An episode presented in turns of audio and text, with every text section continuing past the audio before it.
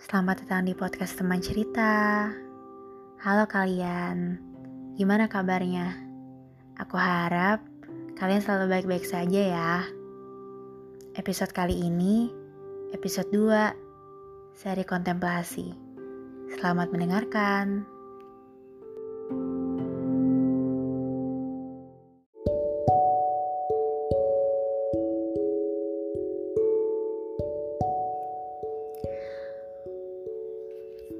Pernah sekali waktu,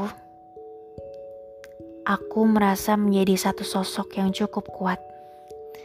Menjadi sosok yang teguh terhadap satu prinsip dan ambisi akan mimpi-mimpi yang sudah aku pupuk sedini mungkin. Bahkan katanya, lebih dini dan terlalu spesifik daripada orang-orang pada umumnya di umurku mulai berpikir untuk menjadi apa ketika nanti tiba di pintu gerbang menuju kedewasaan. Slogan "lebih cepat, lebih baik" menjadi salah satu hal yang tetap aku teguhkan selama perjalananku mencapai hal tersebut. Terdidik untuk menjadi kuat berjalan sendiri dan membangun fondasi secara mandiri, aku merasa cukup menjadi seorang perempuan yang berdikari pada masa itu. Hingga suatu hari aku jatuh dari mimpiku yang tak pernah berubah dari kali pertama aku mengaminkannya. Ternyata, setelah melihat berbagai sudut pandang dalam waktuku berkontemplasi, aku menyadari bahwa mimpi-mimpi yang selama ini aku pupuk itu telah berujung menjadi lebih dari sekedar ambisi. Ya, lebih tepatnya obsesi. Dan mungkin Hal itulah mengapa Tuhan memberikan aku jalan lain untuk berpetualang dalam hidupku. Jalan lain yang kuyakini akan jadi jalan yang luar biasa jika aku berpikir demikian. Ya, seperti kata sebuah buku, pikirlah apa yang kamu inginkan, dan alam semesta akan mengaminkannya. Dan pada fase ini aku belajar, apa pun yang terlalu berlebihan ujungnya selalu tidak baik. Termasuk ekspektasiku pada fase ini. Ekspektasiku pada mimpi-mimpiku. Aku terlalu menekan kepada diriku hingga lupa menanyakan. Halo Ebat, bernafas dulu. Apa benar sudah merasa bahagia? Jika lelah, istirahat saja dulu. Memang apa sebenarnya yang dikejar? Di fase waktu berikutnya, pernah aku menggantungkan satu perasaan kepada manusia dengan menempatkan ekspektasiku yang terlalu tinggi dan hampir semua mimpiku bersama dia. Kala itu, aku pikir aku sudah mendapatkan satu sosok rumah yang selalu aku bisa andalkan. Tapi ternyata benar kata Ali bin Abi Thalib. Aku sudah pernah merasakan semua kepahitan dalam hidup dan yang paling pahit ialah berharap kepada manusia. Sampai pada akhirnya rumah itu tak lagi ingin aku tinggal dan aku harus kembali kepada diriku sendiri. Ya, percaya kepada diriku untuk membangun rumahku sendiri. Pada fase ini, aku kembali lupa untuk percaya kepada diriku. Dehidrasi independensi begitu kurasakan pada fase ini.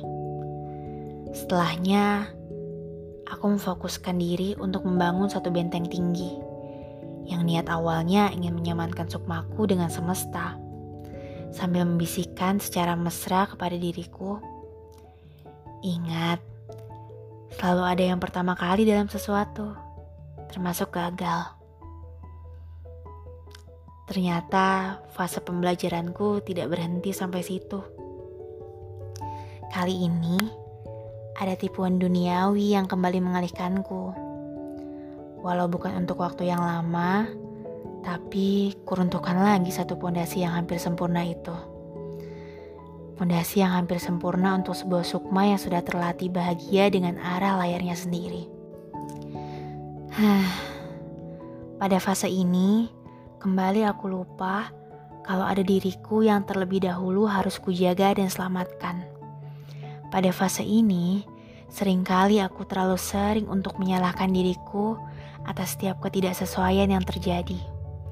Pada fase ini juga, kata maaf jadi terlalu murah terucap dari diriku yang sebetulnya butuh juga untuk kuapresiasi kehadirannya.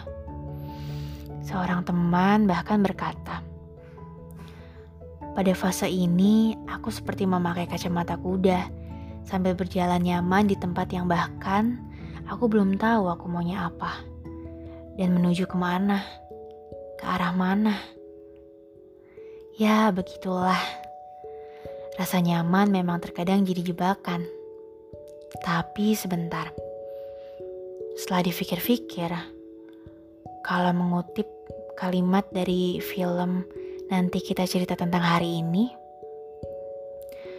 sebetulnya bukan soal nyaman gaknya.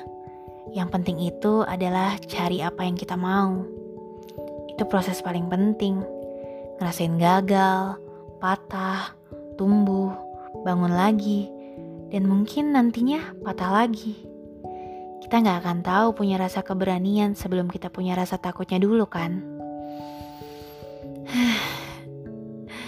Ada benernya juga.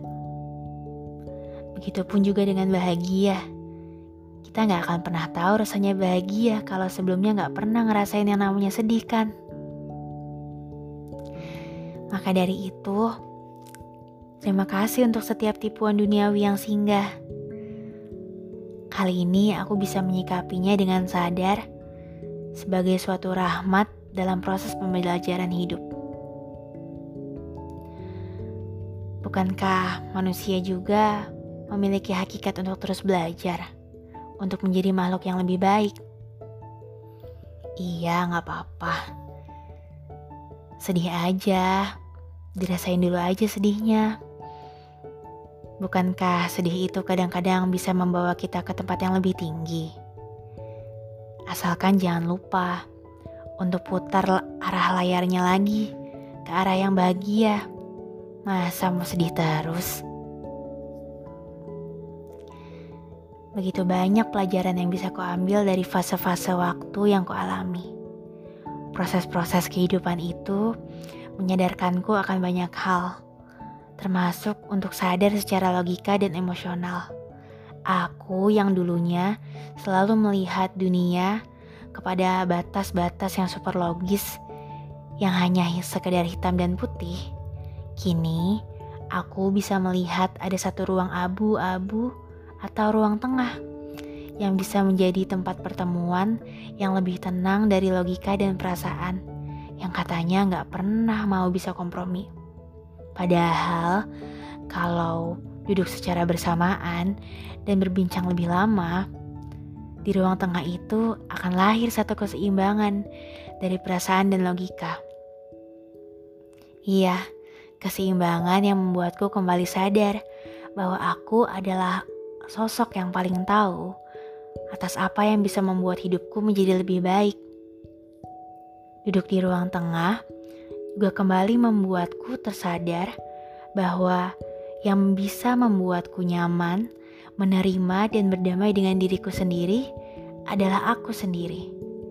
Maka dari itu, inilah aku yang masih berproses, yang masih belajar untuk mencintai diriku sendiri, karena aku yakini dan aku sadari dengan betul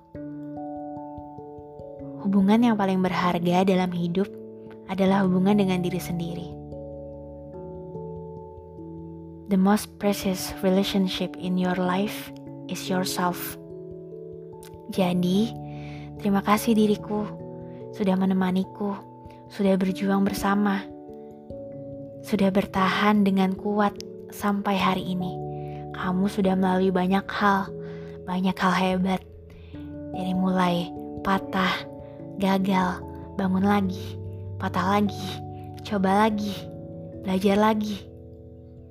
Terima kasih sudah menemani aku sampai hari ini. Kalau tidak denganmu, aku tidak akan bisa sampai sebahagia ini. Terima kasih untuk diriku. Ini ceritaku tentang aku hari ini. Apa ceritamu? Sampai jumpa di podcast teman cerita berikutnya.